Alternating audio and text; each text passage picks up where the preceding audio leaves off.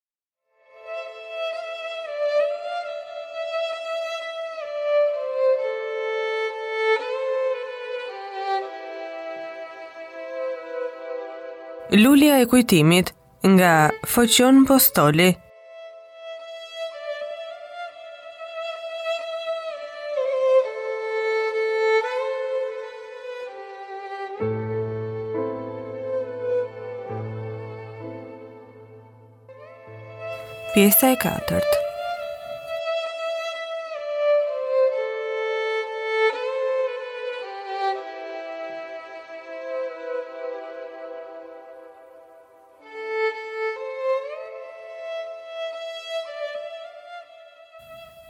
Kjo e pikulloi fort djaloshin fisnik.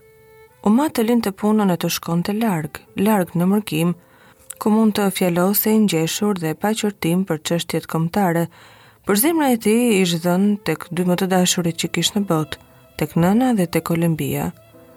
Kujtoi që po të largohej ato andra të bukura që andronte natë e ditë, do të priteshim posi mjegulla e mëngjesit, kur dielli duke shkëlqyer dele përhap dhe e tret. Kur Olimpia e pyeti atë ditë si shkoni me shkronjësin e ri, s'e mbajti veten, Sytë iu errën dhe gjaku i erdhi mbi kokë. Ndonëse e dinte që fjalët e tij ishin kundra të atit të saj dhe duhej të mbaheshin të fshehta në zemrën e tij, i tha që vetëm për nënën dhe për të.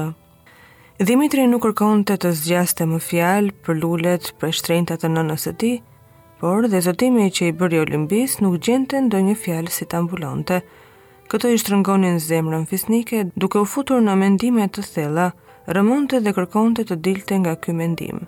Nëna e tij, duke e parë në mendime, e pyeti: "Përse rri i menduar, bir?" "Jo, asgjë, nënë." Unë e kuptoj fare mirë, bir, nga fytyra jote, se ç'ke në zemrën tënde dhe po ma fsheh mua. Trego biri im i dashur, zemra e nënës, dhe unë do të ndihmoj me tërë fuqinë time. Këtë pyetje e priste si ujët e ftohtë Dimitri që të hapte përsëri fjalën e lules. Nënë, si u thashë më parë për lulen, unë nuk e pandehnja se ajo lule kish kaq rëndësi në zemrën tuaj, dhe i bëra fjalë Olimbisë për atë duke u zotuar se me lejen tuaj do t'i dhuroja ndonjë fidan. Bir, ç'bëre, thirri e ëma. Më qorto nënë e dashur, më qorto, e bëra këtë gabim. Të lutem mos u hidhëro, po i them Olimbisë se nga lulja jote nuk dalin fidanë. Duke thënë këto fjalë, zëri i tij po humbiste, e sytë iu mbushën me lot, nuk e mbante veten. Përmendi fjalët e nënës, tregoji nënës sate zemrën bir dhe unë do të ndihmoj me sa fuqi të kem. mori kurajo duke fshehur fytyrën me duart e tij, u hodh në prehrin e nënës duke thënë: Nënë, vetëm Olimbisë i kam thënë për lulen tënde, vetëm asaj, sepse e dua. E dua siç i ati im të desh ty. Fjalët e tij të sinqerta e mallëngjyen nënën, e cila duke përkëdhelur me duart e saj kokën e tij i tha. E Dhimitri biri im, qetësohu, mbaje veten dhe le të bisedojmë për këtë gjë si nënë e bir. Më shiko dhe dëgjo këshillat e mia, bir. E kam kuptuar prej shumë kohësh se ke rënë në dashuri të veçantë me Olimbinë, por mendohu bir se ti je vetëm një shërbëtor i atit të saj. E kam frikë se Kristo nuk do të bindet të bëjë dhëndër, ndonëse je më i mirë, më i ëmbël se të tjerët. E di fort mirë se Zoti Kristo është mjaft i pasur dhe dëshira e tij është të zgjedhë për të bijën ndonjë nga parësia e Korçës, duke mos kursyer të holla për atë qëllim. Kjo ishte e vërtetë, por dashuria me shpresa dhe me ëndrra kapërcen të gjitha malet, përpara saj duken fusha, lumenjtë e gjerë, duken vija të ngushta, dhe çdo ndalim i madh, humbet përpara dashurisë. Këto janë ëndrrat dhe shpresat e atyre që bien viktimë të shigjetave të dashurisë. Kështu edhe për Dhimitrin, çdo ndalim i dukej se do ta kapërcente lehtasi. Nënë, tha Dhimitri. E dua Olimbinë dhe ajo më do. Kurrë nuk do të na ndajë Perëndia, se zemrat tona janë aq të lidhura sa as pasuria e Zotit Kristo e as ndonjë gjë tjetër nuk mund t'i këputë në këtë botë. Por vetëm të lutem nënë, Jepm' uratën që Zoti i gjithësisë të mbushë dëshirën time, se ndonjë ditë nënë do të dal në botë dhe unë si tregtar dhe atëherë do kërkoj dorën e Olimbisë nga i ati i saj si një tregtar dhe jo si shërbëtor. E ëma mbeti e habitur me përgjigjen e birit të saj dhe që të mos i hidhëronte zemrën, i tha. Uratën e Perëndisë dhe timen paç o bir dhe dhëntë Zoti i Madh të të udhëheqë në drejtësi dhe të mbushë qëllimin me dëshirën tënde. Po nënë si mbeti çështja e lules? Pyeti Dhimitri duke nënqeshur. Bir, tani që më tregove të gjitha, kurdoherë që të duash, lulja është lulja është e tëra jotja.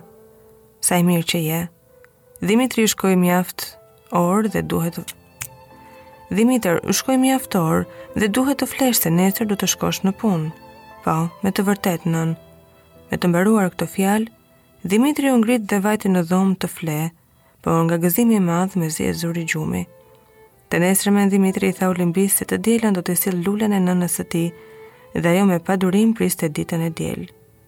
E diela arriti dhe Dhimitri me një gëzim të madh përgatiteshe për vizitën që do t'i bënte Olimbisë. Pas dreke u nis për në shtëpi tek zoti Kristo me një garbë në dorë të mbuluar me kartë të bardhë.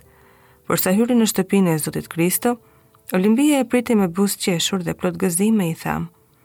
Dhimitër, më duket se me tërë Këtë kujtesë që mban lulen, do të jetë me të vërtetë e bukur. Duro, po do ta shohësh, Olimbi, ku ta vendos.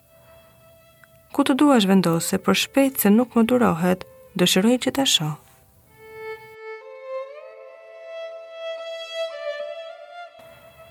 Dhimitri duke vendosur garbën me kujdes e zbuloi lulen. Gëzimi i Olimbisë ishte i patreguar, duke bashkuar duart e saj me një çudi, të bashkuar me gëzimin thirri. O, sa e bukur që është! Nuk gjente dot fjalë që të çmonte lulen e nënës të Dhimitrit.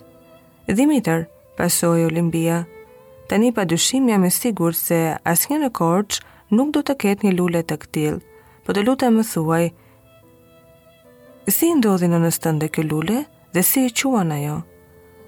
Kjo quhet lulja e kujtimit, u përgjigj Dhimitri. Lulja e kujtimit, po më thuaj dhe tregomë si ka ardhur në Korçë. Dhimitri u shtrëngua ndonëse nuk desh të shfaqte historinë e lules. Olimbi, kjo lule ka ardhur që nga Misiri dhe ka një histori të veçantë për nënën time. Me zë të ulët i tregoi fjalët që bëri me nënën e tij për lulen. Olimbia me vërejtje të madhe dëgjonte të gjitha dhe u mallëngjye tepër. Dhimitri, i thotë vajza, si nëna jote e mbajti këtë lule, si shenjë dashurie dhe besnikërie për atin tënd, gjithashtu dhe unë do të kujdesem për këtë me ato shenja që kam për ty. Olimbi, thirri djaloshi nga gëzimi, do të thuash ti më do siç deshi nëna ime atin tim? Pyetja e Dhimitrit ishte shumë e guxuar, por flaka e dashurisë që digjte në gjoksin e tij nuk e ndaloi të flasë me atë guxim, dhe duke hedhur sytë e tij mbi sytë e Olimbisë, kërkonte të rrëmonte thellë në zemrën e saj që të merrte një përgjigje. Ajo pa humbur kohë i zgjati dorën dhe i tha: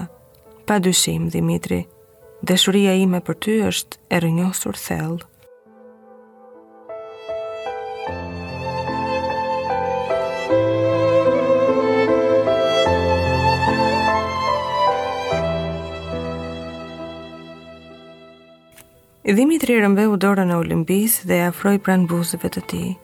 Po fati, fati që ndjek pa mëshirë të dashurit, ia preu sulmin, se zëra dhe fjalë u dëgjuan afër portës. Porta u hap dhe Zoti Kristo me shkronjësin Niko u dukën. Dhimitri pati kohë të lëshonte dorën e Olimbisë me zemër të hidhëruar. Fytyrat e tyre u skuqën atë minutë, si e ndonjë djali të vogël kur zihet në vjedhje e sipër. Zoti Kristo dhe Niko hynë, po lulja u anësoi frikën dhe që të dy hodhën sytë mbi të. Atë, thirri Olimbia, shiko këtë lule kaq të bukur, ma solli Dhimitri. Pa dale ta shohim? Tha me të qeshur Zoti Kristo. Po, po, me të vërtetë qënka shumë e bukur. Ku e gjeti Dhimitri këtë lule? Më duket se do të kesh trapitur mjaft për këtë. Jo, Zoti Kristo, asfare. E kishte nëna ime, Dhe kur e pashë se Olimbia nuk e kishte këtë lule, i thashë nënës dhe ajo me gëzim ma dërgoi mua për Olimbinë. Mbetemi fort të kënaqur Dhimitri dhe shfaqi kënaqësitë e mia nënës sate për këtë lule të bukur. Dhe falënderimet e mia, shtoi Olimbia. Nëna ime do kënaqet dhe do gëzohet tepër kur t'i shfaq asaj kënaqësitë tuaja, u përgjigj Dhimitri. Afrohuni dhe juve, zoti Niko, e pëlqeni këtë lule? Me të vërtetë, u përgjigj Nikoja, është mjaft e bukur, ndonëse nuk di të çmoj lulet, po them pa frikë se kjo mund të jetë një nga lulet më të bukura të dheut. Sytë e tij u ngritën mbi fytyrën e Olimbisë që studionte ç'përshtypje i bëri fjala e tij. Olimbia duke mos kuptuar dinakërinë e Nikos, nënqeshi për lavdërimet që përfliteshin për lulen,